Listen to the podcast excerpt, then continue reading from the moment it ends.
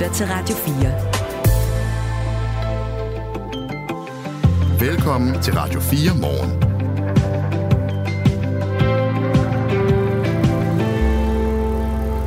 Det er fredag morgen, klokken den er 5 minutter over 8, og her i studiet er det Michael Robach og Mette Vibe Utzon. Godmorgen, Michael. Godmorgen, Mette. Og godmorgen til de lyttere, som først er hoppet på nu. Vi har allerede diskuteret rigtig meget og interviewet rigtig meget om den helt, helt store øh, sag, som jo har fyldt medierne allerede i mange, mange uger, nemlig det, der foregår i øh, Gaza lige nu, det, der foregår i Israel lige nu. Det skal vi også tale videre om i dag. Der er mange lyttere, der skriver til os, det er altså hård kost at vågne til, men verden er hård nogle gange, og i den her time bliver det også noget, vi kommer til at beskæftige os med.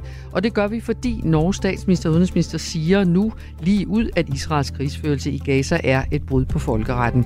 Det siger man ikke i Danmark, det siger den danske regering ikke. Hvorfor gør den ikke det? Det spørger vi øh, Venstre om øh, her i løbet af den næste times tid. Og så har vi også to andre historier, som ikke er så hård kost. Vi skal blandt andet tale om, hvorvidt københavnerne er dårligere til at køre bil end jyderne. Og så kan I også øh, møde en fiskehandler, som øh, plejer at give øh, udsatte familier julehjælp. Men nu vil fiskehandleren hjælpe hele året rundt. Det får I en forklaring på om 10 minutter. Godmorgen. Godmorgen. Det her er Radio 4 morgen. Men vi begynder et andet sted. Vi begynder med den regning, øh, som er ret stor, øh, som kommunerne landet over står med efter stormfloden tilbage i oktober. Øh, og vi kan sige, man kan jo spørge, hvem skal betale for de, den her stormflod, de her stormflodsskader. Øh, og en række kommuner sender nu et øh, åbent brev til Miljø- og Finansministeren med netop det spørgsmål. De står med den her kæmpe regning. Øh, veje, cykelstier, havne, meget øh, blev ødelagt. Og de her efter 11 kommuner efterlyser hjælp til at dække udgifterne.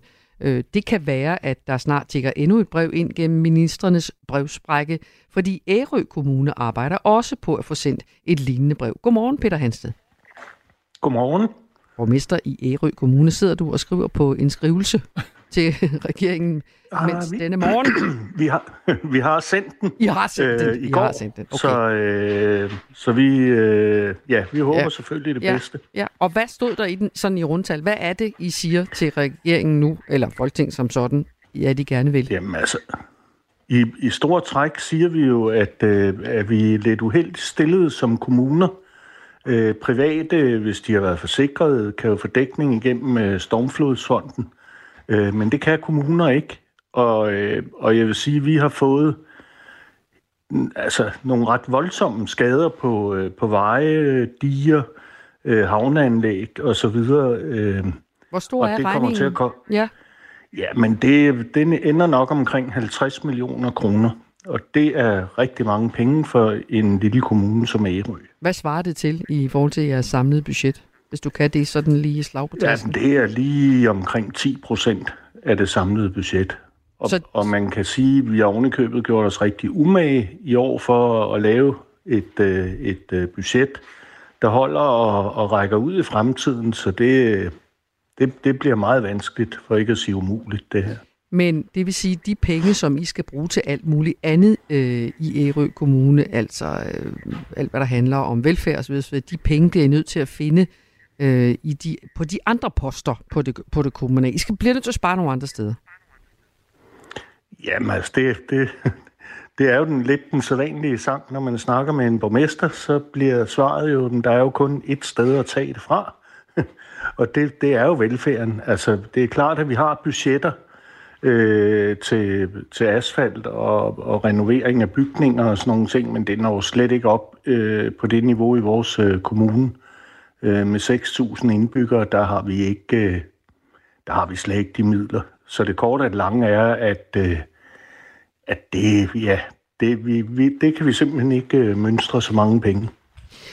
Er der så en anden mulighed, tænker jeg på, fordi som du selv siger, det er jo en sang, vi hører ofte, hvis det lyder måske lidt nedladende at sige, det er en sang, for jeg ved Nej, godt, for nej. dig er det jo meget konkret, altså, men, mm. men, men altså det her, kunne man forestille sig, at de sparede op i kommuneregi og sagde, hvis der kommer en stor flod, øh, stormflod, så bliver vi nødt til at have vores egen form for forsikring, eller I hæver skatterne, eller I gør et eller andet i den stil.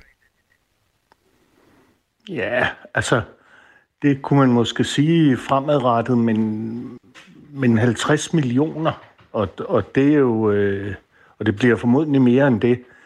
Øhm, det, det er ikke rigtigt. Altså, vi er selvfølgelig selvforsikrede. Det er de fleste kommuner på det område, fordi øh, det er måske lidt vanskeligt at gå til et forsikringsselskab og brandforsikre sin vejanlæg.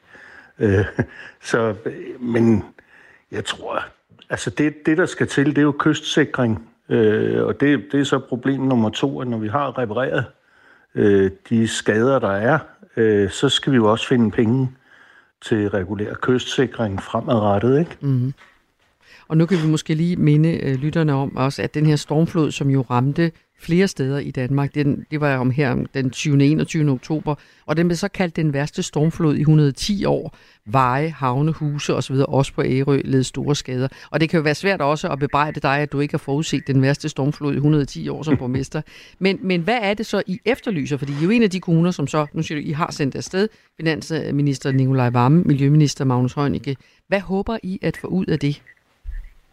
Jamen, vi håber sammen med andre kommuner, der er øh, rigtig hårdt ramt, at, øh, at staten kan hjælpe os med at finde de midler. Og, øh, og så må vi i gang med, og det er de fleste kommuner jo, at lave øh, øh, stormflodssikring eller øh, øh, ja, diger og, og sikring af, af havne og sådan nogle ting er man i gang med, men det er jo også dyrt. Så, så, øh, så jeg, vi håber simpelthen, at vi kan få en hjælpende hånd til at betale de regninger her. Vil der være en idé i at sige, fordi det rammer jo så skævt øh, øh, kommuner, som ligger i kystnære områder osv., at, øh, at fremover så er det noget, staten påtager sig. Altså, det tager vi ud af jeres hænder, og så laver vi en, øh, en, en form for forsikring, som gælder de kommuner, som er i risiko for at blive ramt. Så det ikke handler om det, at du ved, det daglige kommunebudget, men at det ligesom ligger et andet sted. Ja, men jeg tror, der er flere løsninger. Det, det du nævner der, det er jo en mulighed. Men jeg tror i virkeligheden, som, som med andre kommuner er langt med, øh, så handler det om, øh, om sikring af sine, øh, af sine kyster. Og det er klart, at man kan jo ikke, altså man kan jo ikke øh, gardere sig imod alt, men, men jeg ved, at der er kommuner, der er godt i gang. Svendborg er i gang, øh, Roskilde og så videre arbejder øh, på at sikre havne og infrastruktur. Og det, det er jo nok det, vi skal fremadrettet, øh, så vi slipper for de skader her. Det, det er jo også til stor øh, skade for vores borgere, når, når de får vand i husene, og, og sommerhusene øh, ja, mm. nærmest bliver skyllet væk. Ikke? Så, men I vil gerne så selv blive ved med at... Kystsikring. Ja, I vil gerne blive ved med selv at have, have hånd og halsret over det, men I gerne have nogle penge til at, uh, at gøre det. Altså, sådan skal jeg forstå dig? Ja, det tror jeg, det tror jeg nok, at det var en god, det kommunale en god måde selvstyre. det på. det er godt. ja. Tak skal du have, fordi du var med os, Peter Hensted. Selv tak. Og held og lykke med jeres indvendelse til regeringen. Mirko, tror du, jeg på de næste 55 minutter kan blive omvendt til at blive sådan en, en rigtig Swifty, ligesom dig? Jeg tror ikke, vi har brug for 55 minutter. Only in America er Danmarks eneste program dedikeret udelukkende til amerikansk kultur. Er det nu, at vi sætter Crime River på? Ja, det tror jeg ikke, vi skal gøre, fordi... Øh... Er den sang blevet cancelled, eller hvad? Hver uge opdaterer Frederik Dirk Gottlieb og Mirko Reimer Elster, der på det vigtigste, vildeste og mest vanvittige fra Guds eget land. Det tror jeg, det, det tror det kommer til at ske. altså, jeg tror, at Justin Timberlake er blevet toxic. Lyt til Only in America i Radio 4's app, eller der, hvor du lytter til podcast. Radio 4 ikke så forudsigeligt. Hvert år så kan familier få julehjælp fra velgørende organisationer, der er også enkelte lokale erhvervsdrivende, der melder sig. Man plejer for eksempel at kunne få hjælp hos Johnnys Fiskehus i Frejlev ved Aalborg, men nu har den lokale fiskehandler introduceret noget nyt helårshjælp. Johnny Melchior Nielsen er ejer af Johnnys Fiskehus. Godmorgen. Godmorgen. Hvad er helårshjælp? Øh, helårshjælp, det er noget, jeg laver til nogle familier, som øh, ikke har nogen penge, ikke har nogen midler. Øh, ja, det er egentlig til, til de svageste i samfundet, kan man sige. Mm. Og hvorfor er du kommet i tanke om det? Jeg ved, du har delt julehjælp ud før. Ja, øh, jamen det er jo fordi, at øh, alle har en eller anden øh, god intention i julen om at hjælpe, og, øh, og det har jeg selvfølgelig også. Men mange af de familier, de døjer jo faktisk øh, hele året, øh, og, og øh, de har ikke nogen steder at henvende sig, øh, når det hedder januar, og februar og marts. Så, så øh, det var egentlig for at prøve at se, om øh, man kunne gøre en forskel ved at få 10 familier bedre igennem 2024, end de normalt velkommen. Skal jeg bare lige forstå det rigtigt? Er det så sådan, så dropper du julehjælpen, og så siger du, jeg vil hellere hjælpe øh, nogen hele året, og så hjælper du 10 familier? med dropper julehjælpen. Man kan sige, at øh, der er jo 50 familier, som har henvendt sig til mig, og øh, den tænker jeg, at jeg prøver at hjælpe så godt jeg kan. De andre 40 familier, som ikke får. Så man kan sige, at de får noget. Øh, de får måske ikke lige så meget, som man normalt vil gøre til julehjælp, men, øh, men jeg har da stor plan om at, at hjælpe dem så godt igennem december Mm. som muligt. Johnnys Fiskehus annoncerede den øh, alternative helårshjælp på Facebook for seks dage siden, og opslaget har fået flere hundrede likes og delinger, og de søde beskeder, de er væltet ind, ved jeg. Helårshjælpen går ud på at hjælpe 10 familier, som øh, Johnny lige sagde, med fiskemåltidspakker hele året rundt, i stedet for kun til jul. Hvordan har folk taget imod det her, ud over de der likes og søde beskeder? Jamen, øh, jamen, folk er jo, det er jo det, de gør. De tager jo mod øh, med, altså de vil jo, altså mange har jo en god intention om at vil hjælpe, men de har ikke de store muligheder for at gøre det, og, øh, og derfor, øh, jamen, de er jo glade. Altså, de er jo glade for, at der er nogen, der gør noget for de svage i samfundet, så, øh, og det er jeg jo glad for, at de er glade for, fordi uden kunder, så kan jeg jo ikke eksistere, så, øh, så det er jo fint. Øh, så de hjælper mig, mine kunder, ved at øh, dele og gøre det ene eller andet, sådan, så jeg kan gøre det, jeg gør. Så, øh, så det er egentlig en god kombination, kan man sige. Det er da også en, en øh, reklameeffekt for dig. Ja, det kan du godt sige, øh, og det er ikke ment som det, øh, og, og jeg har kun sagt ja til de her ting med at snakke med dig og andre, fordi at øh, der skal fokus på problemet. Øh, det kan ikke nytte noget, at vi tiger det ihjel, så hvad hedder det? Jeg har ikke brug for reklame. Jeg har brug for, at folk de tager sig af de svage i samfundet. Mm. Hvad er det, du, hvad, hvad er det, du ser? Altså, hvad er, det, hvad er det for nogle svage familier, du har kendskab til gennem den her hjælp? Det er øh, mange enlige møder øh, med øh, to-tre børn med mange diagnoser, ADHD, autisme, øh, infantil autisme, og altså det, det, det er mange, som, som kæmper i hverdagen for at få deres hverdag til at hænge sammen. Øh, det er, øh, de har ikke nogen... Altså, man tror, at man bare kan gå ned på kommunen og få noget, men det kan man ikke bare. Altså, der, er nogle, der er nogle stole, man kan falde ned igennem, og det gør de her personer. De, de kan ikke bare gå ned og få noget, selvom man kan sige, at socialrådgiver, de gør, hvad de kan, og, de har ikke, de har ikke øh, regler og lov, de gør, at man ikke bare kan give. Mm. Så, øh, så derfor så, øh, det er sgu nogle, det er sgu nogle stakler et eller andet sted. Så derfor så, øh, så skal de sgu hen og hjælp. Og, og, og Mette, du har taget fingeren op. Jamen, det var, det var bare fordi, jeg ville spørge dig, Johnny. Altså, du ved, man snakker om civilsamfundet, ikke også? Altså, du er jo civilsamfundet. Du er ligesom en helt almindelig fiskemand, som siger, nu vil jeg gerne hjælpe dem, for der kommer ikke nogen andre og hjælper. Det er rigtigt. Er, er, er, det, er, det, altså, er det okay, at, der også, at du også spiller en rolle her? Eller, eller burde det i virkeligheden være staten, der tog sig af dem, synes du? Det- burde i allerhøjeste grad være staten. Det er jo så sørgeligt, at det er mig, der gør det. Øh, at, at vi har et øh, samfund, hvor at, at de åbenbart er glemt de mennesker øh, i bunden af samfundet. Det er jo, det er jo, det er jo ja, jeg, ved ikke, jeg har ikke ord for det. Jeg synes faktisk, det, det er skræmmende. Mm. Fordi vi går alle sammen rundt med en eller anden idé om, at alle de skal nok blive reddet, men, men det bliver alle ikke. Og øh, det er da samfundet, der har et kæmpe problem. Øh, så jeg synes, det er, det er sørgeligt, at det er sådan nogen som mig øh, og andre selvstændige og butikker og hvad det ellers er, der skal hjælpe. Øh, fordi der er jo masser, altså, der er masser af butikker, som hjælper, selvom de egentlig lider i forvejen. Så, så, så det er jo en forlitterklæring fra vores øh, regerings side, synes jeg, øh, at, at det er sådan, det er, Mm. mm. faktisk. Vi taler med Johnny Melker Nielsen, som er ejer af Johnnys Fiskehus, og øh, som har besluttet sig for at give noget helårshjælp til 10 familier, der får fiskemåltidspakker. Nu, nu sagde du, du gør ikke det her for, øh, for at reklamere for dit fiskehus eller noget, men håber du egentlig, også selvom du kommer med den her kritik nu, sådan set af regeringen og systemerne, og sådan som det fungerer nu, håber du på, at du kan inspirere andre øh, forretninger og erhvervsdrivende til at gøre det samme som dig? Øh, lidt sørgeligt, ja. Øh, fordi øh, problemet er her og nu, øh, så hvis andre vil gøre det samme, vil det være glædeligt.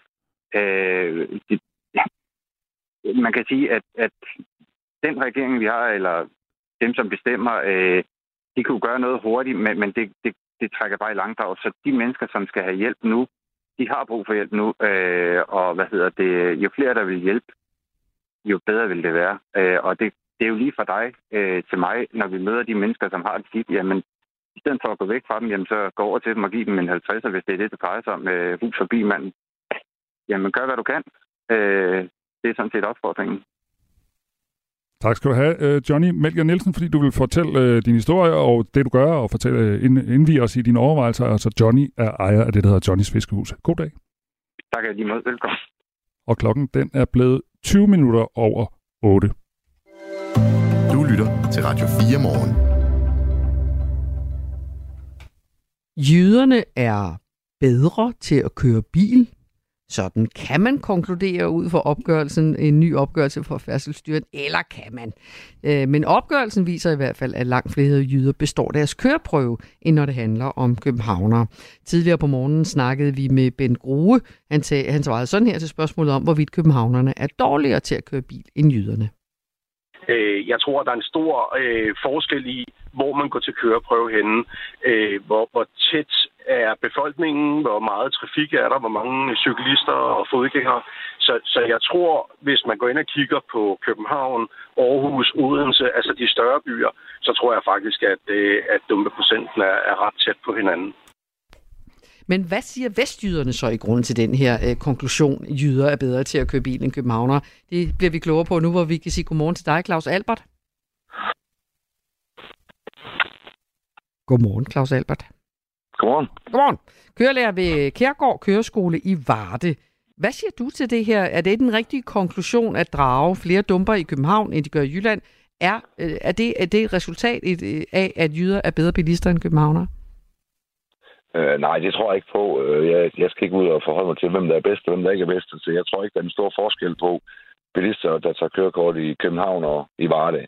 Forskellen er nok, at der er mange flere cykler, fodgængere og anderledes i København, end der måske er i Varde øh, på de forskellige tidspunkter. Og det gør jo, at når du tager kørekort ind i København, så hver eneste gang, du skal dreje, så er der jo cykler og fodgængere og, og alt muligt andet. Hvor der måske ikke er helt så meget at forholde sig til i en lille by som Varde eller andre små byer. Og det gør måske, at øh, mulighederne for at overse et eller andet er nok større i København, end den er i en lille by i Jylland. Mm. Så, er der, så er der flere større mulighed for at komme, risiko for at komme til at lave fejl, simpelthen. Det tror jeg. Ja. De her fakta omkring den her undersøgelse ifølge Jyllandsposten, så handler det om, at ni, knap 29.000 har været til køreprøve i København i år.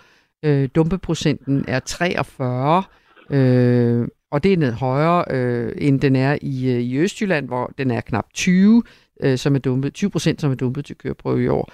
Øh, og for to år siden, der overtog færdselsstyren jo så køreprøverne fra politiet. Det resulterede i meget lange ventetider, det medførte også massiv kritik, og de her lange ventetider var værst i København. Og så var der en række køreskoleelever, blandt andet fra København, som tog turen til Jylland for at gå til køreprøve over hos, hos dig, blandt andet i Varde. Er der, kan du mærke forskel på en køreskoleelev fra lokalområdet og en, der kommer fra en større by? Ja, lidt kan man godt nogle gange. Altså, det er ligesom om, at når man får en øh, fra, øh, fra Sjælland af det, ikke fordi jeg har haft øh, ret mange af dem, men nogen har jeg da haft, og, øh, og det er ligesom om, at deres orienteringer er, er sådan lidt mere maskinpræget, øh, hvor det er sådan det samme hver eneste gang. Og, og det skal det også være. Man skal orientere sig efter, efter alting, så man ikke går ind og laver ulykker eller kører nogen ned eller noget. Men når vi nu kører herover i, i, i mindre byer, hvor der ikke er så meget trafik, jamen, så kører man jo også på, på veje, hvor der ikke er cykler og sådan noget. Og det vil sige, at så bliver orienteringen måske øh, lidt mindre. Øh, den bliver god nok, men den er måske mindre hvor de hele tiden skal være opmærksom på de cykler, som er der, øh, når man kører rundt ind i København. Og det tror jeg, forskellen den er. At man kan virkelig mærke, at de er, de er vant til deres cykler hele tiden. Så skal vi da også øh, tale med en kørelærer fra København. Det er Allan Halim. Godmorgen. Godmorgen. Lad os lige starte med kernen i den her historie. Er jyder bedre bilister end københavnerne, fordi der er færre, der dumper til køreprøverne?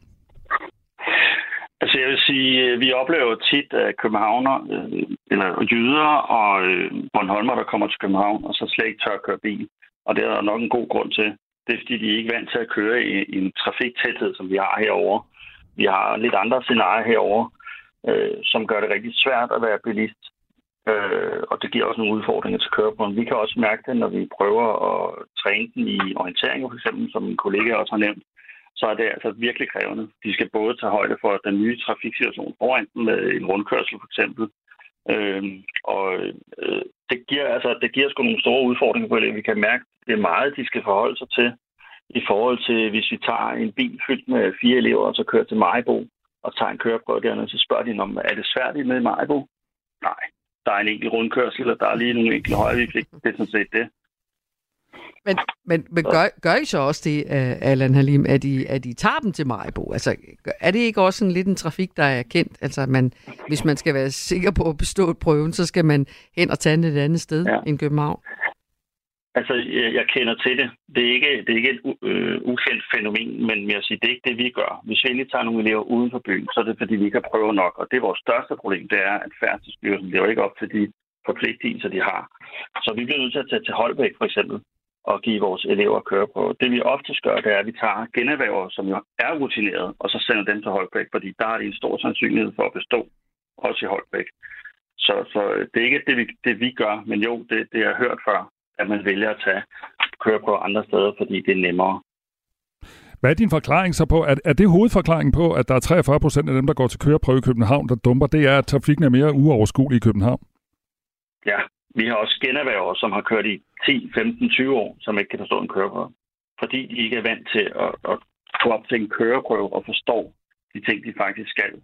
Øh, og det er også det, der bliver lagt væk på, når vi er ude og køre med rutinerede elever, eller rutinerede bilister. Det er jo, at jamen, alt det her, du har fået tilegnet af dårlige vaner, det kan du altså ikke bruge til en køreprøve. Dem skulle du have lagt fra dig. Øh, så, så det er helt klart, at der, der er en stor forskel på at køre. Jeg kan sige, at i Varde er der ikke særlig meget set til, der i forhold til København. Men må jeg så ikke spørge jer begge to, altså er det fair mm. nok så, at der er flere, der dumper? Altså jeg mener, så kommer, koster det lidt, måske lidt ekstra at få et kørekort i København, men alting koster jo mere i København. Altså, altså kan man sige, når det er sværere at køre i København, så skal der også flere køretimer til, og hvis ikke man tager det, så dumper man. Mm, hvis jeg må have lov. Øh, jeg vil sige, at jeg synes, det er fair nok, fordi I skal huske på, at kørekort det er ikke udstedt til kun København eller Varde. Det er altså udstedt til hele verden. Det vil sige, at man skal køre alle steder i verden. Og øh, altså, jeg har kørt det meste af Europa. Og Danmark, der overholder vi reglerne. Vi er ret gode til at overholde reglerne, men det er det altså ikke udlandet. Så jeg synes, det er helt fair, at det er sværere at køre kørekort i København, øh, fordi der er mere at se til. Jeg vil sige, det gør også, at vores elever er dygtigere, når de først bliver sendt ud i trafikken i hele verden. Mm. Claus Albert, kørelærer ved Ring øh, øh, Køreskole i Varde. Hvad siger du til det spørgsmål?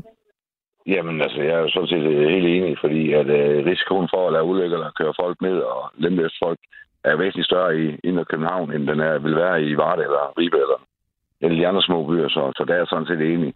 Men når vi hensyn til, til det her med at, at dumme procenter, jeg tror også, det har noget med, med vores elever og forældrene at gøre. Fordi i København, hvor der er stor ventetid, øh, 3-4 måneder, jamen så, øh, så mangler de jo, de, de mister hurtigt noget rutiner, og noget, ikke? Og så siger man til eleverne, at øh, de skal altså ud og køre noget mere, ikke? Og så har man forældrene i røren, og jamen, det koster jo penge, og, og så man, man, man bruger rigtig meget tid på at diskutere med eleverne og forældrene, at de skal altså køre noget mere, fordi de ikke er gode nok. Og øh, altså, jeg forholder mig bare til undervisningsplanen og siger, at de skal have et vist niveau, inden de kommer op til køreprøve. Og øh, hvis de ikke har det, jamen, så kommer de ikke op. Og der kunne jeg godt forestille mig, jeg kan selvfølgelig ikke, jeg kender ikke til øh, systemet øh, i Inde København, men jeg kunne godt forestille mig, at der er en voldsom pres på kørelandet derovre af forældre og elever, der ringer, fordi de har så stor ventetid, og det tror jeg spiller gevaldigt ind på, at folk de dumper os. Mm. Eller... Fordi at den her lange kø, inden de kan komme op, det, det har jo en væsentlig større udgift, som ikke burde være nødvendig. Men skal du vente tre måneder på at komme op, så er du nødt til at komme ud og køre nogle flere køretimer, og det har en større udgift for eleven, og den problem er nok større på Sjælland eller i København, end den er i Varde. Hvad siger du, Adeline? Kan du genkende det problem? Mm, ja, det kan jeg godt. Altså, hvis vi har nogle elever, der har lidt lange forløb, så, så kommer de jo lidt standby og skal holde sig i gang. Og det er de svært ved at forstå, at de skal have den her ekstra udgift ved at holde sig på dupperne. Så det kan jeg godt genkende. Men det er også derfor, for eksempel vores køreskole her på Islands Brygge, vi kæmper for, at dagen vi ser eleverne. I skal godkendes. I skal aflade lægeerklæring passus med det samme. Vi skal have godkendt med det samme, så I kan komme op til teoriprøve ugen efter, I er færdige med lovpakken, så vi kan få en køreprøve hurtigst muligt. Så det er også meget skulle have sagt der med, at vi presser eleverne for at komme med tingene og blive godkendt hurtigst muligt. Mm. Også derfor, vi har præsteret forløb ned til 58 dage for en øh, bilelev. Det er meget flot klaret i København på 58 dage. Mm. Altså øh, et, øh, et indblik i, hvordan det er henholdsvis i det indre København. Anna Halim, kørelærer ved Bryggens Trafik i København. Tak skal du have, øh, fordi du var med os. Selv tak. Og God også, weekend. Jo, tak ja, i måde. måde. Også tak til Claus Albert, som er kørelærer ved Kjærgaard Køreskole i Varde. Tak til jer begge to. Det her er Radio 4 morgen. Vi har en halv time tilbage. Ja. øh, når nyhederne er slut. Det har vi. Og øh, vi skal altså, der, der er flere af vores lytter, der har sagt, det er en hård morgen, I snakker meget om Israel og Gaza, og der kommer altså lige en runde mere, øh, og det er, vi tager en runde på øh, noget, der er sket op i Norge.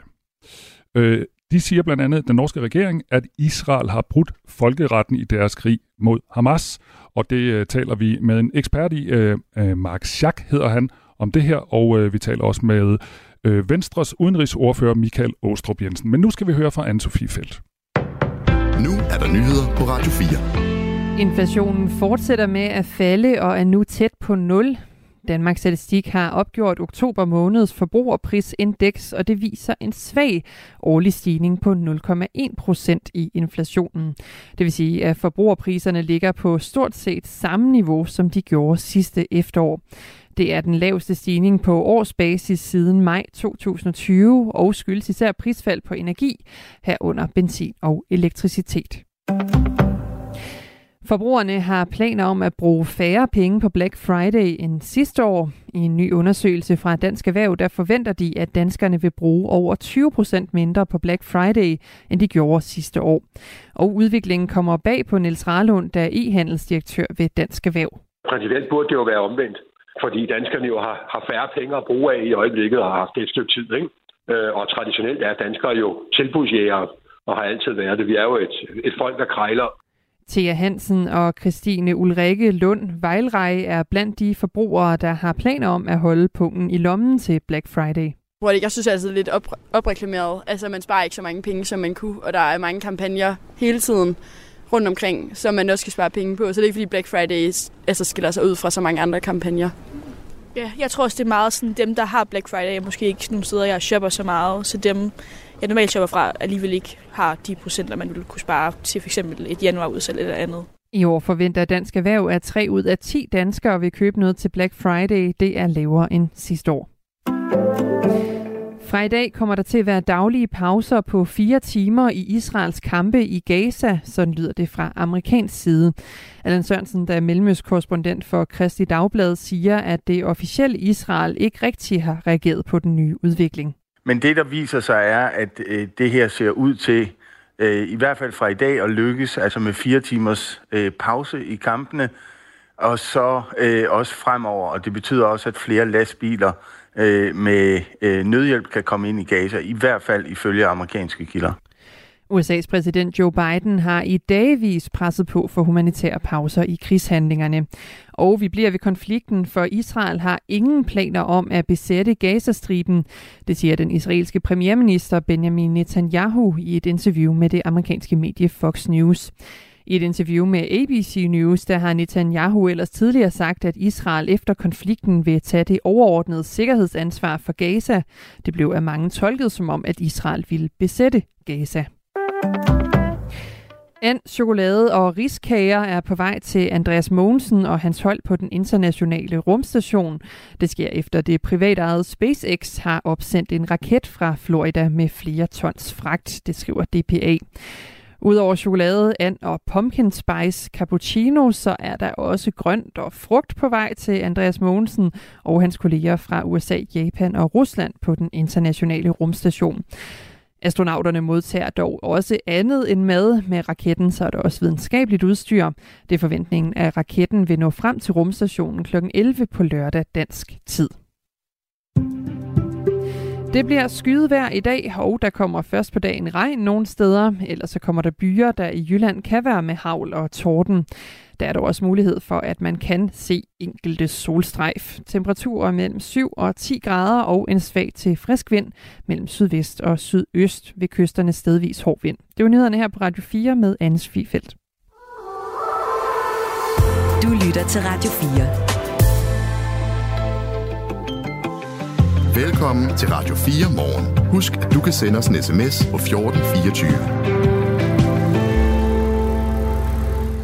Og denne morgen er det Michael Robach og Mette Vibe Uton, som står i studiet her på Aarhus øh, Banegård og øh, er jeres værter på øh, Det lyder som om, vi står nede på Banegårdspladsen. Ja, det er du ret. Det gør vi ikke, fordi det plasker ned som sædvanligt. Men ja, nej, vi står heroppe i studiet i varme og ro og orden. Og det er en ganske anden situation end den, som jo fylder rigtig meget af nyhedsdækningen i øjeblikket, nemlig det, der sker i, i Israel, det, der sker i Gaza, og alt det, hele den konflikt, som jo er blevet enormt voldsom. Spørgsmålet er så, om det, som Israel gør i øjeblikket, er et brud på folkeretten. Øh, det er der, har der allerede nu været diskuteret i mange uger, mens de her øh, bombardementer osv. Har, har fundet sted, fordi der er så mange civile drab øh, på begge sider, kan man sige, men jo altså især øh, i, i Gaza i de seneste uger. Bliver der begået krigsforbrydelser i Israels reaktion på terrorangrebet og gisseltagningen for øh, i løbet af den her øh, sidste måned? Øh, og inden I nu skiller mig ud, øh, kan jeg lytte for, at nu mener jeg det ene, og nu mener jeg det andet, så længe jeg tænker, så længe I skiller mig ud for at mene sådan nogenlunde, øh, hvad, det, hvad hedder det, støtte af begge sider, så går det nok. Men inden I nu gør det den her gang, så kan man sige, det er ikke mig, der spørger, eller det er ikke mig, der konkluderer, det er den norske regering. Det er så til gengæld noget nyt, at norsk, den norske statsminister Jonas Gahr Støre og landets udenrigsminister Esben Barth Eide i går sagde, at de mener, altså den norske regering mener, at ja, Israel har brudt folkeretten i deres krig mod Hamas. Godmorgen, Mark Schack. Godmorgen. Lektor i Folkeret og National Sikkerhed ved Københavns Universitet. Som jeg lige indledte med at sige, så er det jo noget, man har diskuteret faktisk et godt stykke tid allerede nu. Det var ret tidligt i forløbet, at der begyndte at komme røster, som siger, at det her er et brud på folkeretten, det her er et brud på krigens regler osv. osv. Hvordan ser du på det som ekspert? Har Norge, den norske regering, ret, når de siger, at Israel øh, bryder krigens love? Ja, det synes jeg. Øhm, man peger på, at Israel har overtrådt krigens love, øhm, navnlig relation til beskyttelse af civile. Øh, og så siger man, at der kan være begået krigsforbrydelser, som det dog i sidste ende er en domstol, der må vurdere. Så jeg synes egentlig, de rammer en meget god balance i deres øh, anklage, kan man kalde det. Og når du siger, det synes jeg som ekspert, ikke? Ja. Hvorfor siger du så ikke, ja, det er det, eller nej, det er det ikke, men det synes jeg? Altså, hvad, hvor, hvad, hvor kommer synsningen ind der? For du er jo ekspert. Jamen det er fordi, at, at de, de forbrydelser, vi taler om, de er ikke helt nemme at forholde sig til øh, uden øh, rigtig mange oplysninger. Så, så der er både noget retligt, u, øh, der er uklart, og der er noget faktuelt, der er uklart. Og vi skal have helt styr på begge dele, før jeg kan, kan sætte to streger under, at der tale om krigsforbrydelser. Øhm, så det er lidt noget andet med Israels øh, forbrydelser end, end, øh, end øh, Hamas' som er meget nemmere retligt. Og det handler simpelthen om, at øh, Hamas' øh, terrorangreb i Israel, det kan man allerede nu gå ind og undersøge øh, juridiske eksperter osv. De kan gå ind og se nu, hvad var det, der skete der osv. Men det, vi, vi kan ikke endnu gøre, gøre tabstallene op, eller hvad, i forhold til Israel i Gaza? Men helt lavpraktisk, så er der jo ikke en stor tvivl om, at Hamas-kriger har, har øh, dræbt civile med vilje. Og det i sig selv er en krigsforbrydelse. Og det vi ser fra Israels side, det er, det er jo bombninger, hvor der dør rigtig mange civile, men Israel siger jo så, at man går efter militære mål. Øhm, og så, så skal vi ikke vurdere, om man, eller i hvert fald i første omgang vurdere, om de har gået efter civile, men man skal vurdere, om det, der har foregået, er proportionalt. Og det er en svær øh, balance end bare at sige, at man har angrebet civile, derfor er det en krigsforbrydelse. Okay. Hvornår er noget proportionelt, når det, når, det, når det handler om at slå civile ihjel i forsøget på at ramme nogle terrorister? Det er det, som der, der bliver debatteret meget, og det er meget øh, baseret på den helt konkrete hændelse, så det er meget svært at sige overordnet. Mm-hmm. Men, men man kan godt sige, at, at vi har set angreb, hvor det i hvert fald er min overbevisning, baseret på den øh, retspraksis, vi har og, og lignende, at, at vi er over stregen her. Så det er en streg, der er, det er ikke en fast streg, det er en streg i sand i bogstaveligste forstand, fordi det, der er mange faktorer, der afgør, om, om det er over stregen eller under stregen, eller inden for folkeretten osv. Men, men, men, øh, men hvad er det konkret, Israel har gjort, som gør, at du siger, at du mener, at det er rigtigt, det den norske regering siger, der er begået øh, brud på folkeretten?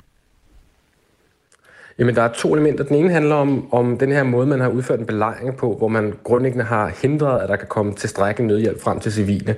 Øhm, det i sig selv, synes jeg, er en ret klar overtrædelse af krigens lov. Det må man ikke. Øhm, spørgsmålet er så, er det også en krigsforbrydelse? Og det handler om, om man kan sige, at man sådan aktivt har brugt udsultning af civilbefolkningen som krigsmiddel. Og jeg synes, det er det, det ligner, at der, der, der foregår, men jeg kan igen ikke sætte to streger under, fordi jeg har brug for lidt mere viden, mm. men vi er derhen af. Okay. Så, så Den det... anden del handler jo så om bombningerne, om, de, om, de, om man, man adskiller civile og militære mål, og om man handler proportionelt. Ja, Israel øh, siger jo nu, og det har Israel også tidligere sagt, jamen når vi bomber, så er det fordi, at Hamas bruger civilbefolkningen som, som, som skjold nærmest. Ikke? Altså, og, og derfor rammer vi ja. nogen, det vil vi helst ikke, men det kommer vi til, fordi at, øh, at det er ikke vores egen skyld, havde jeg sagt, man skal sige. Ikke? Vi kan ikke undgå det. Hvordan, ser, hvordan passer det ind i folkeretten, det argument, eller det forsvar, hvis man kan kalde det det? Jamen, det er ikke et forsvar for at ramme for, for mange civile. Altså det forhold, at øh, Hamas handler ulovligt og, og gemmer sig blandt, blandt civilbefolkningen, det betyder ikke, at man så må dræbe flere civile. så man skal stadig øh, foretage den almindelige proportionalitetsvurdering.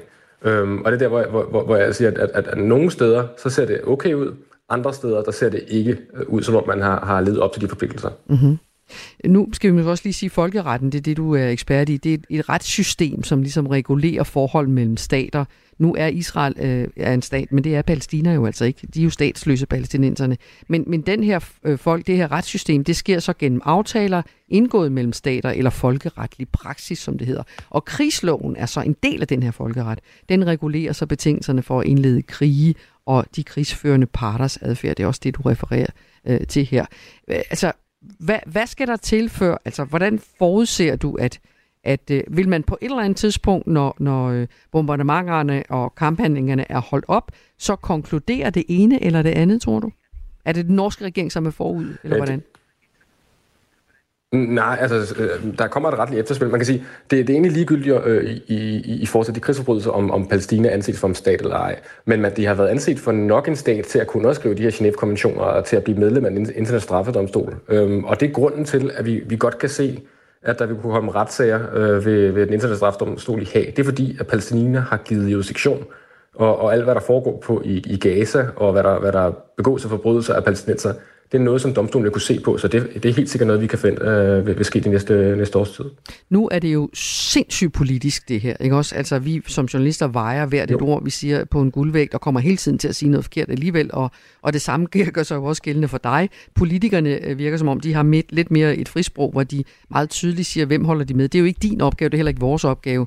Altså, hvordan i alverden skal man nogensinde finde nogen, som uden at blive beskyldt for at være partiske, kan afgøre, om det er okay, at man slår så mange civile ihjel. Øh, fordi vi er jo alle sammen på nær Hamas måske, og deres tilhængere enige om, at det ikke er okay at lave terrorangreb. Hvordan i alverden kommer den her proces til at være, tror du? Øh, politiseret, øhm, det, det kan man ikke undgå. Den her konflikt er så politiseret, at uanset hvem du får til, uanset hvor, hvor dygtige og upartiske folk du får til at vurdere det her, jamen så vil der være anklager om, at man, øh, man, man behandler det politisk. Så det kommer til at ske. Det eneste, man kan gøre, det er at, at forsøge at gøre det så, så, så savligt som muligt, og, og anklageren viser se, gør det så savligt som muligt, og, og, og lægger, lægger sager for domstolen. Øhm, og så må man jo øh, tage, øh, lægge sin lid til, at domstolen er upartisk og, og vurdere sagerne, øh, som de retligt skal. Mm. Selv det er jo politisk, fordi Israel anerkender jo faktisk ikke den internationale krigsforbryderdomstol, ICC. Så hvis det bliver bevist, at den norske regering har ret i, at Israel har brudt folkeretten og begået krigsforbrydelser, hvilken konsekvens kan det så få? Jamen, hvis vi taler om, om israelske forbrydelser øhm, og, og, og, og forestiller sig retssager mod israelske øh, topminister for eksempel, så er det svært at forestille sig, at de rent faktisk bliver udleveret til domstolen, og der rent faktisk skal køre en sag. Øh, de skal udleveres, før vi, før vi rent faktisk skal se sager. Så formentlig vil vi se anklager øh, eller lignende, som ikke rigtig fører til retssager, og så har vi sådan en mellemtilstand, hvor der er nogen, der er blevet anklaget for noget meget alvorligt, men vi kan ikke rent faktisk få, få, få dem dømt for det, øh, eller få afkræftet, at, at de har begået forbrydelser. Øhm, så, så vi kan godt komme til at se, stå i sådan en limbo, hvor der er, er højtstående politikere i Israel, som er anklaget for noget meget alvorligt, men, og, men vi kan ikke rigtig lande på, på, om det er rigtigt eller forkert. Nu skal jeg være varsom igen, fordi nu laver jeg sammenligninger, og det skal man også være virkelig forsigtig med i den her sammenhæng. Men, men, men, men, øh, men borgerkrigen i eks-Jugoslavien var jo et, øh, en, en borgerkrig som i Europa, som fik konsekvenser. Der var nogen, der blev dømt for at have begået krigsforbrydelser, ikke også? Øh, men dengang, der var, der var verden jo. på en eller anden måde heller ikke helt lige så opdelt i for og imod, kan man godt sige det. Altså, om lidt så taler vi med Michael Ostrup Jensen. Han er repræsentant for, for, for den danske regering, Venstres udenrigsordfører. Og den danske regering har vel meget klart sagt, at vi støtter Israel i det her. Altså, kan, der, kan det betyde mm. noget, hvordan verden på forhånd har stillet sig i den her konflikt? Hvilket resultat, der kommer ud af sådan en undersøgelse? Det tror jeg ikke. Øhm, jeg, jeg, jeg tror, altså hvis man forestiller sig, at Israel for eksempel skulle lade sig presse til det ene eller andet, det har jeg svært ved at se for mig. Øhm, de bestiller, bestemmer grundlæggende selv, hvordan de vil agere, og, og det, der, der, der er det lidt modsat, hvordan det var øh, på Balkan, fordi der, der, der var der jo NATO-styrker til stede, og man kunne, kunne bestemme meget mere, hvorvidt folk skulle afleveres til domstole osv. Øhm, så, så, så grundlæggende så havde man fra den vestlige verdens side i hvert fald mere hånd i hanke med, med, med konflikten i Jugoslavien, hvor det har vi ikke på samme måde her. Øh, så vi kan ikke rigtig bestemme, det, det er op til parterne selv. Mm. Hvad tror du, kan du give et bud på, hvad, hvordan tror du, det kommer til at gå med alt det her? Nu tænker jeg ikke på selve konflikten, men ja. den retlige behandling af den. Jeg tror, der bliver rejst sager. Øh, som, som jeg hører øh, ICC's anklager, så, så finder han mange af de, de øh, handlinger, der, der, der er foregået øh, som værende krigsforbrydelser eller lignende. Det vil overraske mig meget, hvis han ikke rejser sager. Øh, Ved den internationale og, og så kommer vi til at se... Ja, præcis, præcis. Ja. Og så kommer vi til at se øh, et, et, et diplomatisk spil, der bliver meget svært, hvor vi kan forestille os for eksempel øh, højtstående øh, israelske politikere, der ikke vil kunne rejse til for eksempel Danmark, øh, fordi vi, vi, vi kunne have en forpligtelse til at udlevere til ICC. Øh, så det kan blive et, et rigtig diplomatisk øh, øh ja, springfarligt emne øh, fremadrettet. Tak skal du have for din øh, analyse, Mark Jack. Selv tak. Lektor i Folkeret og National Sikkerhed ved Københavns Universitet. Og vi taler jo om det her, fordi Norges statsminister Jonas Gahr Støre har altså sagt, at Israel med deres krigsførelse i Gaza bryder folkeretten. Og øh, udenrigsminister Bart øh, Esben Bart Eide, han gik et skridt videre, og han sagde, at israelske ledere kan komme til at stå til ansvar for krigsforbrydelser i krigen mod Hamas. Men den her vej, med den her slags kritik, den øh, vej bør Danmark ikke slå ind på. Det siger Venstres udenrigsordfører Michael Åstrup Jensen. Godmorgen. Godmorgen. Hvorfor egentlig ikke? Fordi som også jeres egen ekspert øh, så øh, meget, meget fint siger, øh, jamen så er det altså meget, meget uklart, hvad det er, der helt nøjagtigt foregår. Og, og derfor så mener vi, at selvfølgelig skal vi på den ene side respektere 100% et eventuelt retsligt efterspil, som der kommer på den her side. Det vil Danmark selvfølgelig følge til punkt og prikke. Men på den anden side, så mener vi alle taget, at der er sådan lidt en slags, øh, skal vi sige, dobbeltstandarder, øh, hvor at Hamas udnytter øh, at øh, øh, der er civile øh, stadigvæk øh, i den nordlige del af Gaza, gemmer sig blandt dem, øh, udnytter at køre rundt i ambulancer, har bygget kæmpe store kommandocentraler og våbendepoter under hospitaler øh, og andet, affyrer missiler fra toppen af, hvor der bor civile, øh, mod Israel for at ramme civile israelere. Og, og, og det kan man jo vente om, så spørge det meget simple spørgsmål til dem, som for eksempel i Norge, som er imod, hvad Israel gør lige nu. Hvad skulle Israel gøre? Altså skulle Israel så bare lade være, og så vente på det næste store øh, terrorangreb, som skulle komme fra Hamas' side? Og derfor er det her ikke sort eller hvidt, som jeg ser det. Det tror jeg heller ikke, der er nogen, der synes, det vil jeg skynde mig at sige. Det er virkelig en balancegang. Vi ved jo alle sammen, at øh, Hamas har begået det her terrorangreb den 7. oktober, som har kostet 1400 livet, og der er blevet taget 240 gisler, og det er jo ulykkeligt, men det, med det, du siger, Michael Åstrup Jensen, retfærdigt gør det så, at man bomber løs i Gaza og rammer civile? På ingen måde. Og, og det er vigtigt for mig at holde meget, meget fast i, at jeg øh, synes, at et hvert civilt tab er et for meget. Jeg synes også, at Israel skal på ingen måde sønderbombe øh, Gaza, eller øh, for den måde skyld bare lave terrorbombning eller andet, som jeg har set nogen øh, være ude at sige, de synes, Israel gør. Det har vi bare heller ikke set nogen beviser for, at det er det, Israel gør i praksis. Altså Israel kunne, hvis de ville, øh, øh sønderbombe hele Gaza med det samme. Det har de den våbenmulige magt til at gøre. Det har de ikke gjort. Øh, de har derimod øh, forsøgt at lave korridorer, øh, hvor civile kan flygte til øh, mere sikre zoner, i stedet for at blive skudt øh, af Hamas på deres egen civilbefolkning, for at prøve at holde dem som skjolde. De har øh, efter pres, ja, men efter pres fra blandt andet Danmark, åbnet op for flere humanitære øh, korridorer, så der også kan komme mere nødhjælp ind, som også selvfølgelig er en forudsætning øh, fra vores side i forhold til Israel.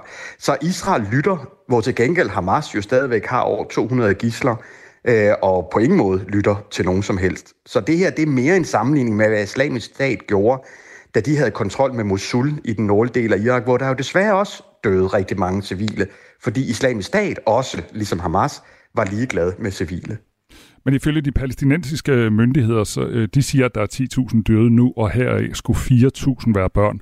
Og det kan meget nemt blive sådan et lidt ulækkert regnestykke, men kan man svare på, hvor mange civile der må blive ofre i den her konflikt, før man ligesom går ind og siger, nu går det ikke længere?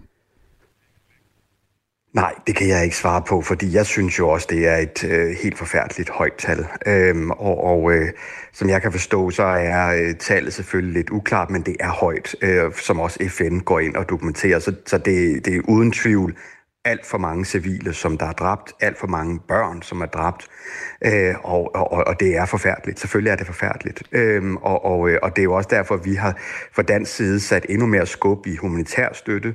Øh, vi øh, øh, giver nu for tredje omgang øh, mere i humanitær støtte, øh, og, og, øh, og, og vi presser så meget alle dem, som bakker Hamas op i, at øh, når man sådan kujonagtigt gemmer sig blandt civile, jamen så øh, burde de lande, Iran, Katar og andre, som hjælper Hamas, jamen de bør presse Hamas øh, til, at øh, det skal man stoppe med. Men Michael Ostrup, det her, som, som du også øh, siger, og har, det har jeg set dig sige mange gange, det er virkelig, virkelig vanskeligt det her.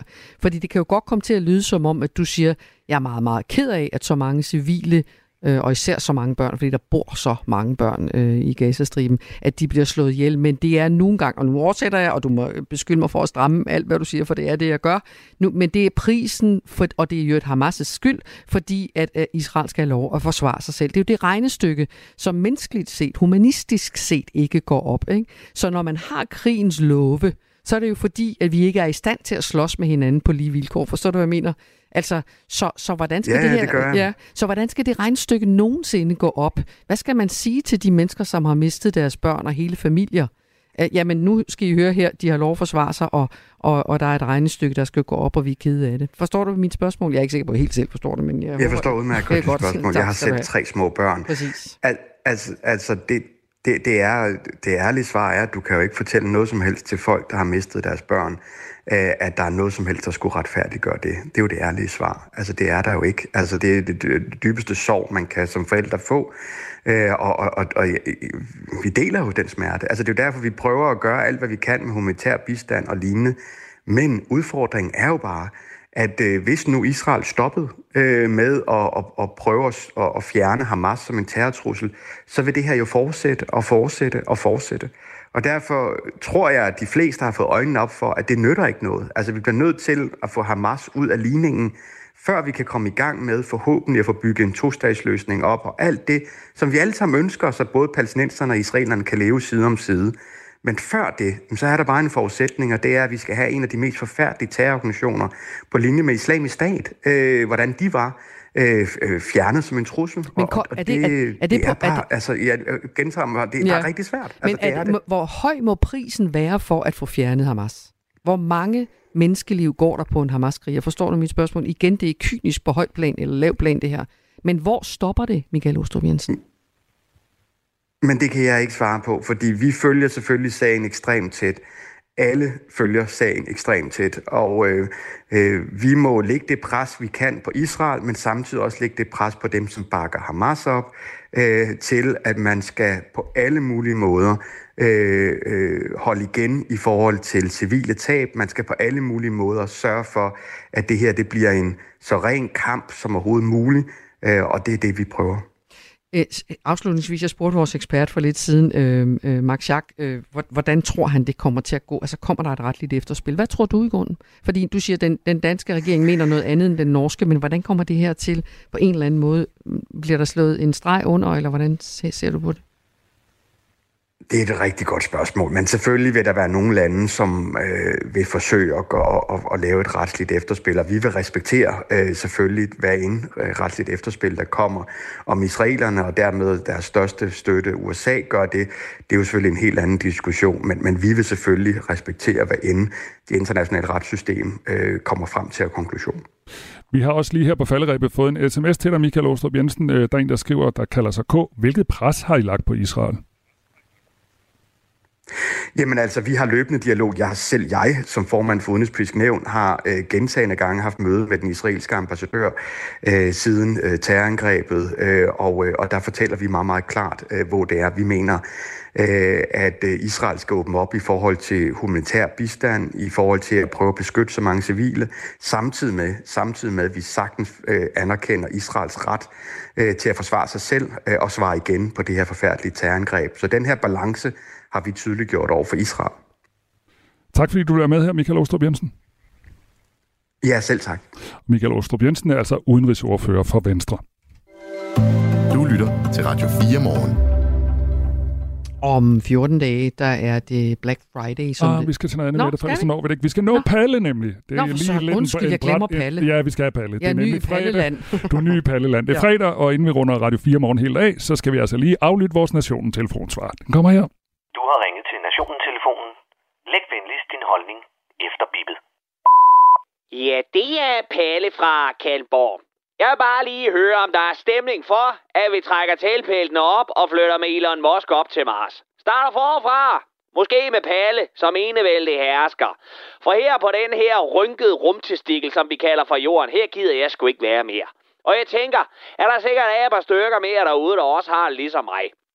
Da jeg i den forgangne uge lukkede op og doomscrollede mig igennem nyhedsfeedet, ja, så begyndte det der med at starte på en frisk på Mars skulle lyde som den bedste idé siden paneret flæsk.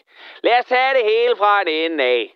Først så kom anklagemyndigheden ud med den melding, at de opgiver og dropper sagen mod Venstres skovbundskidende hjort og PT's lederpiskende Markitte Sat Finsen. Hvorfor? Tja, fordi det åbenlyse og velkendte kabelsamarbejde med NSA åbenbart ikke er så åbenlyst og velkendt, som vi alle sammen gik og troede. I hvert fald er det hele så hemmeligt og sikkerhedstruende, at hvis man førte en sag mod spionernes Morten og Peter, a.k.a. Hjort og Finsen, ja, så vil hele rigets sikkerhed blive sat over styr, så vil vi alle sammen være mere fucked end en palæstinenser i en flygtningelejr. Tilbage står et helt Christiansborg og peger fingre af hinanden i forsøget på at gøre det hele til et politisk legeplads, hvor der kan konspireres omkring alt lige fra Barbara Bertelsens indblanding hen over Trine Bremsens hævnvenddata til, ja, hvad ved jeg, SM-nisser fra en anden dimension, som gerne vil have den gagball tilbage, som Finsen stjal fra dem, da han var tidsrejsende spion for Danmark. Jeg skal da gerne være den første til at sige, at jeg fatter hat af hele sagen. Men jeg kan dog, som menig dansk statsborger og skattebetalende æsel, sagtens mærke en højere instans stå og tør pule mig intet anende i røven, imens den skrald griner. Så fuck det. Jeg tager til Mars. Nå, dernæst. Så skulle jeg også se, hvordan en ellers fuldt ud lovlig demonstration på Indre Nørrebro udviklede sig til en krydsning imellem krystalnatten og en ISIS-Hamas-prædiken frisk fra Ben Laden-hulen. Åh nej, inden du med vilje begynder at misforstå mig, fordi det vil passe bedre ind i dit venstreorienterede kalifat antisemitiske socialistverdensbillede, så stik lige et partisanertørklæde i gumlegrotten og lyt en gang. Hvis du hader det, som israelerne har gang i, hvilket du har min fulde opbakning til at synes, så skal du bare demonstrere på fuld Gaddafi. Alt det der vil. Hvis du går og mener, at israelerne i deres forsøg på at få ramt på én skide Hamas-leder er nogle kæmpe pikhoveder, når de bomber en hel flygtningelejr, så har du både min fulde opbakning til det synspunkt, og faktisk også min sympati. Og du skal hermed bare rulle den store demonstration ud. Hvis du er ved at skide skråt over, at amerikanerne bliver ved med at give grønt lys til Israels tæppebumpning af Gaza, så er det ud på barrikaderne og sving fanen, Jean Valjean. Men når din kampsang ned igennem Nørrebro lyder, Palæstina er besat, det skal løses med jihad, så er der to ting, der undrer mig. 1. hvad fanden vil du i grunden i et så røvsygt og demokratisk kedeligt land som Danmark, der desværre ved lov har forbudt folk at slagte andre mennesker i hellig krig, selvom det står i en fin gammel bog fra 652. 2. hvad var det lige, der var så farligt ved Rasmus Skabs Paludan og hans demonstrationer? Altså, hjælp mig lige med at forstå forskellen på krænkelserne af en brændt koran, der godt kunne gøre nogle muslimer kede af det, og så en sætning med lovning på udslettelse af Israel som From the river to the sea, Palestine will be free. Som så godt kunne gøre nogle jøder kede af det. Ja, igen. Jamen, jeg ved det sørger mig ikke. Jeg ved bare, at når alt det her lort det er forbi, så byder jeg sgu på rejmad og hummus ude i kolonihaven til både Isak og Hassan. Og så skal vi spille kongespil og drikke kaffe. Måske endda en kold bajer, hvis Gud kigger den anden vej. Men den fucking dag, den kommer sgu nok aldrig. Så længe begge sider er styret af mordere og af deres tilhængere konsekvent vælger at være cool med det lort. Så fuck det, jeg tager til Mars. Og hvis du vælger at tage med Palle til Mars, så vid, at hvis der bliver noget pis omkring pladsen, og I begynder at toppes over, hvem der boede hvor først, så tager jeg den ene og slår den anden med, imens jeg indtager landet og gør hver dag til Palles dag, hvor alle skal drikke en bajer med dem, som de er allermest uenige med. Skål, og så ellers give Palle ret i alt, hvad han siger. Er vi enige? Godt. Og pas nu for helvede godt på hinanden. Alle sammen. Og det var Palle fra Kalmborg. Og du kan, og du kan høre mere fra Palle fra Kalundborg i specialklassen her på Radio 4 hver lørdag, hver lørdag kl. 20, og du kan også høre ham i Radio 4's app. Og indtil da, eller hvad man skal sige, det indtil her efter vi siger øh, farvel og godmorgen, så kan man ringe til Radio 4 og snakke med dem om flyafgiften er ambitiøs nok, om det er i orden, at politikere flager med det israelske flag, og også om vi har lov til at interessere os for de kongelige affærer, Michael. Uha. Os to, Mette Vibe Olsson, Michael Robach siger tak for den her morgen, og nu er det blevet tid til Anne-Sophie Felt. Du har lyttet til en podcast fra Radio 4. Find flere episoder i vores app, eller der, hvor du lytter til podcast. Radio 4. Ikke så forudsigeligt.